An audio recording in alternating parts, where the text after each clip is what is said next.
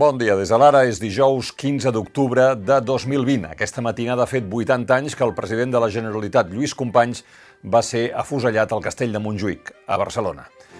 El temps, la calor ja no ha de tornar, Miquel Bernis? Avui el dia ha començat amb entre 3 i 5 graus menys que ahir. El cap de setmana també tindrà nits de tapar-se, però els migdies ja seran més suaus. I a mitjans de la setmana que ve el fred fins i tot marxarà alguns dies. Aquesta tarda encara hi haurà tempestes puntuals en comarques de Girona.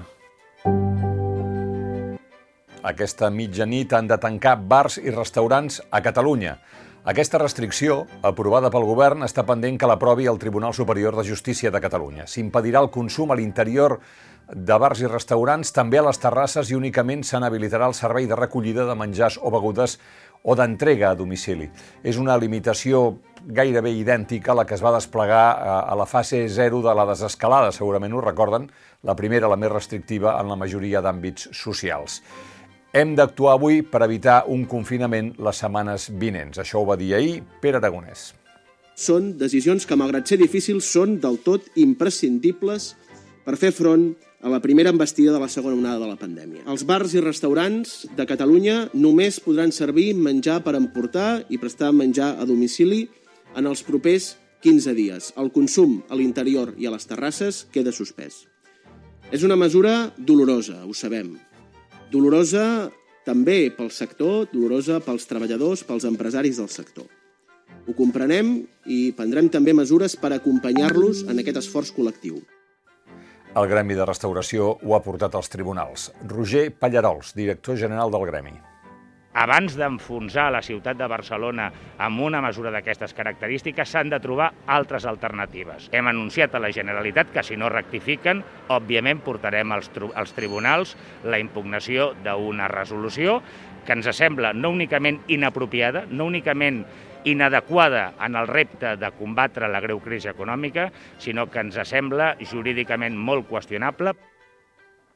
Les noves restriccions eh, plantejades per Salut també limiten novament l'activitat als teatres, cinemes i auditoris. L'aforament passa del 70 al 50%.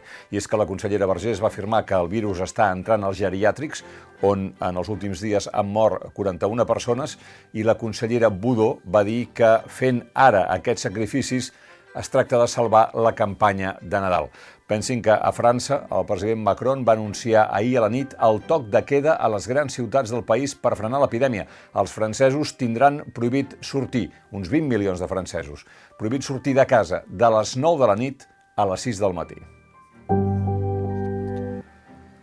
El Tribunal Suprem ha confirmat la condemna al PP per lucrar-se amb la trama Gürtel. En línies generals és la mateixa sentència de l'Audiència Nacional del maig del 2018, la que va desembocar en el triomf de la moció de censura contra Mariano Rajoy. La sala penal del Suprem constata que tant el Partit Popular com l'exministra Ana Mato es van lucrar amb els delictes comesos per la trama Gürtel entre els anys 99 i 2005, encara que no coneguessin les corrupteles. La sentència imposa 13 anys de presó per Rosalía Iglesias, que és la dona de Luis Bárcenas. Ara, Rosalía Iglesias haurà d'ingressar a la presó, perquè la sentència, tot i que es pot recórrer al Constitucional, ja és ferma i s'ha d'executar.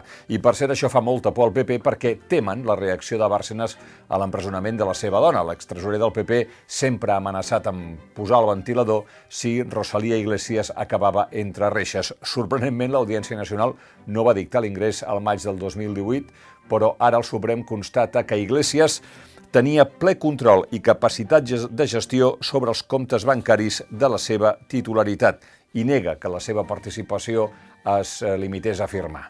També haurà d'entrar a la presó Jesús Sepúlveda, exalcalde de Pozuelo de l'Arcón, a Madrid, exmarit de Namato, condemnat en ferm a 14 anys i 4 mesos. I, per cert, en un altre ordre de coses, el magistrat del Tribunal Constitucional, Fernando Valdés, va presentar ahir la seva dimissió del Tribunal després que la justícia l'hagi processat per un presumpte delicte de maltractaments contra la seva dona. Imatges de la plaça Urquinaona de Barcelona ahir a la nit, en el primer aniversari de la sentència del procés. Centenars de manifestants van arribar a volcar alguns contenidors enmig d'una gran presència policial, helicòpter inclòs. Pel que fa a les càrregues d'ara fa un any, als Mossos hi ha 37 agents investigats i 423 de condecorats. El Departament d'Interior havia posat en marxa l'auditoria més gran de la història dels Mossos, així es va anunciar, encara està oberta i de moment suma 3 agents sancionats. La xifra d'agents sota la lupa, però, és 10 vegades inferior a la de policies condecorats per aquell dispositiu i contrasta amb la polèmica generada fa un any per la seva actuació contundent. El País va explicar que dels 423 policies condecorats per la seva actuació, 140 són agents antidisturbis. Us perdeu aquestes quatre pàgines dedicades al 80è aniversari de l'afusellament de Lluís Companys que ha coordinat la Sílvia Marimont Moles. La família de Companys rebrà avui a dos quarts de set eh, el document que acredita la nulitat del judici. L'entrega la farà l'expresident Torra i la consellera Esther Capella Montjuïc. La reneboda de Companys col·locarà un Stoppelsteina en record al seu eh, parent a la plaça de Sant Jaume. Les Stolpersteines són llambordes creades per Gunther Deming en record de les persones deportades pels nazis.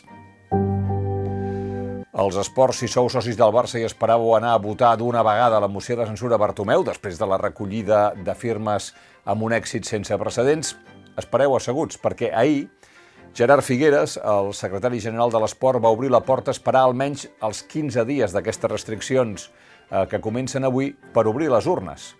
I publiquem també una entrevista a Tony Bou, el pilot de trial, 14 vegades campió del món, en què, com veuen, eh, diu que ha hagut de treballar molt la concentració perquè és bastant despistat. Fins aquí les claus del dia. Vivim temps molt difícils, eh, estan venint dies molt durs, eh, el que pugui que ajudi tots aquells que no poden treballar. Tornem després amb l'anàlisi.